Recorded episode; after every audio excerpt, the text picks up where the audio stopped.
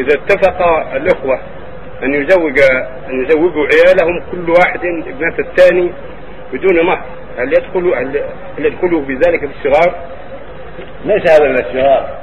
إذا كان هو شرط بل هذا خطب هذه وهذا خطب هذه واتفق آباء الأولاد والنساء على ذلك من دون شرط فلا بأس بذلك. ولكن لا بد من المهر لا بد من المهر يجي لكل واحد مهر المثل.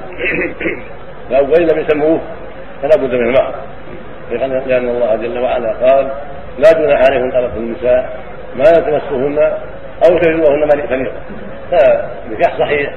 ثم قال بعده متعهن. الحديث الصحيح. من سئل عن المرأة التي لا يفرض لها قال لها مهر نسائها. لا وكس ولا شرع نعم.